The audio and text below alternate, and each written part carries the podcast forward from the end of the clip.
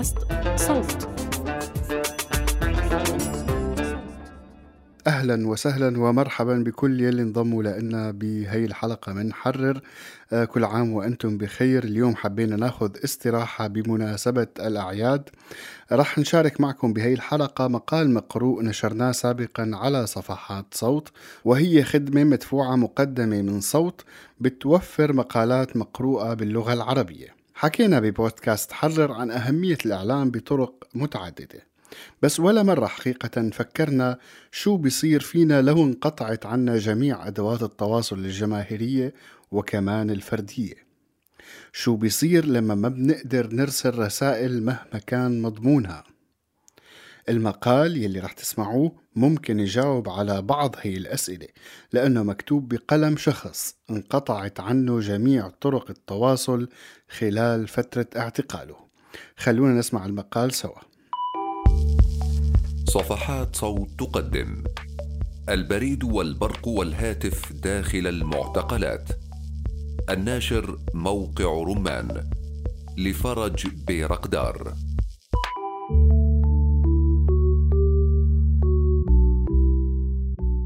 مؤسسة البرق والبريد والهاتف.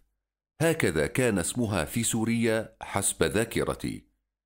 وكان لهذه المؤسسة فروع وشعب في المدن والبلدات.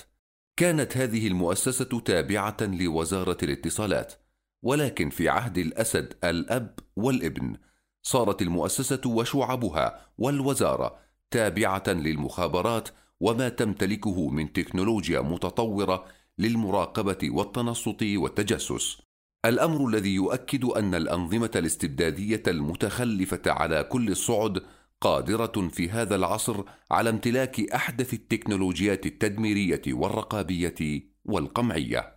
ليس في حديثي حتى الآن ما هو جديد، ولكنه توطئة لطرائف سأروي بعضها مما كان أسرارا في حينه.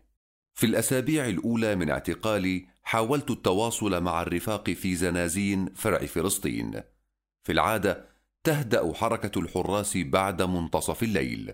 فيبدأ تواصلنا لتنسيق اعترافاتنا وتبادل الأخبار والأفكار والهواجس كان الهمس هو الوسيلة التي لا تحتاج إلى خبرات خاصة وكان همس البعض في منتهى الوضوح بين الزنازين ومع ذلك لا يمكن أن يلفت انتباه من يقف على بعد أمتار قليلة. تلك هي إحدى أهم خصائص الهمس. ولكن حين يكون هناك من يصعب عليك فهم حديثه العادي فلك أن تتخيل كيف ستفهم حديثه المهموس. في إحدى الليالي اضطررنا إلى تجاوز الهمس لإيصال بعض التفاصيل المهمة ولكن فجأة انفتحت قوة الباب لأجد نفسي في مواجهة الرقيب أحمد خليل رئيس الدفعة المناوبة. أحمد خليل ضخم الجثة رعدي الصوت وتبدو عليه سيماء الحماقة. سألني مع من أتكلم فقلت مع لا أحد قال وصوتك الذي سمعته بأذني قلت أنا مجنون وأتحدث مع نفسي بصوت عال. شتمني فرددت له الشتيمة. صار كالثور الهائج. وحاول فتح باب الزنزانة. ثم تراجع وهو يقول بسيطة أنا أعرف كيف أدبرك. غدا صباحا سترى. كانت عيناه تقدحان شررا وشياطين. فلم أنم ليلتها خوفا مما سيحدث في الصباح. ولكن لحسن الحظ مرت الأمور بسلام فقلت في نفسي إن أحمد خليل يوحي بأنه أهوج وأحمق ولكنه ليس كذلك في الواقع وربما ليس سيئا بالصورة التي يبدو عليها مظهره بعد شهور وصلت دفعة جديدة من الرفاق الذين يعرفون التواصل بالمورس عبر النقر على الجدران. إنه مورس خاص مستوحى من آلات المورس التي كانت ترسل البرقيات بين المحافظات أو بين الوحدات العسكرية من خلال شفرات ورموز صوتية ذات أبعاد أو أطوال متباينة يرمز كل منها إلى حرف أبجدي. أما المورس الذي استخدمناه فكان مبنيا على المقاطع الستة لي أبجد هوز حطي كلم إلى آخره سأفترض أني سأسلم على أيمن الذي هو خلف الجدار فكيف أنقر له؟ كيفك أيمن؟ أنا وهو نعرف مسبقا أن النقرة أو النقرات الأولى ثم التوقف لبرهة هي إشارة إلى رقم المقطع والنقرة أو النقرات التالية تشير إلى رقم الحرف. نريد أن نقول كيفك. فننقر أربع نقرات لنحدد أن الحرف الذي نريده موجود في المقطع أربعة الذي هو كلم. ثم ننقر نقرة واحدة إشارة إلى الحرف الأول أي الكاف. حرف الياء بعدها يقتضي ثلاث نقرات أي المقطع حطي. ثم ثلاث نقرات أي حرف الياء وهلم جرا للوهلة الأولى يبدو الموضوع مربكا ومعقدا. ولكن الحاجة والتمرين والتركيز تجعل الأمور كجريان الماء. كان بيننا من هم متفوقون في استخدام الموريس يمارسونه بسرعة لا تأخذ زمنا أطول من زمن من يتحدثون ببطء. ولعل الحادثة التالية التي يشهد عليها كثيرون ممن كانوا معنا في زنازين فرع فلسطين تؤكد ما أقول. تواصلت مرة مع الصديق أكرم البني وكانت زنزانته وراء زنزانتنا المزدوجة مباشرة. سألني أن أسمعه شيئا من قصائدي فكتبت له إحداها. قال لي إنها جميلة فشكرته على لطف المجاملة فقال ليست مجاملة. لقد أعجبتني القصيدة إلى حد أني حفظتها وسأكتبها لك الآن لتتأكد. الغريب أنه كتبها دون أي خلل سوى حرف عطف. زاده على إحدى الشطرات.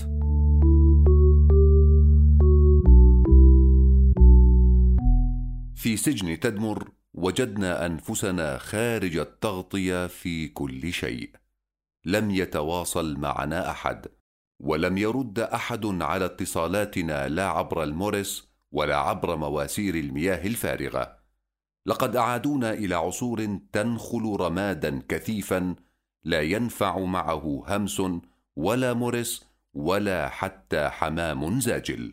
أما في سجن صدنايا فقد كان لدينا أهم وأنشط وأسرع مؤسسة بريد في العالم. في الأحوال العادية يتم توزيع الرسائل على الأجنحة صباحا ومساء. في حالات الطوارئ التي تقتضي إرسال رسائل فورية هناك دقات متفق عليها يستنفر على إثرها سعاه البريد. مبنى سجن صدنايا مؤلف من ثلاثة طوابق. كل طابق مؤلف من ثلاثة أضلاع على شكل إشارة المرسيدس وكل ضلع يضم عشرين مهجعا أي ما مجموعه مئة وثمانون مهجعا تلتقي كلها في نقطة مركزية اسمها المسدس لأنها ساحة ذات شكل سداسي يسمح بمراقبة كل أجنحة السجن شبكة البريد هي المناور المعتمة إلى حد لا يتيح للحراس على السطح مراقبة ما يحدث في داخلها من حركة شحن نشيطة تنقل الرسائل والطرود ضمن أكياس مربوطة إلى خيطان مجدولة بعناية. وصلت أخبار مشوشة إلى مدير السجن عن حدوث تواصل ما عبر المناور، فالتقى ببعض السجناء وكان أحدهم أستاذا لمدير السجن حين كان المدير في مرحلة الدراسة الثانوية. قال مدير السجن لأستاذه القديم بونسرين قلة شو ما تدلدلوا البعض كن من المناور رد أبو نسرين بكل ما يمتلك من المبادهة والتورية وروح الدعابة. نحن ندلدل؟ دخلك في شي بقي عنا حتى ندلدلو كنا معكم من التقديم محمد خير عايش ومن فريق التحرير راشد البابلي وجنا قزاز. هذا العمل من إنتاج صوت.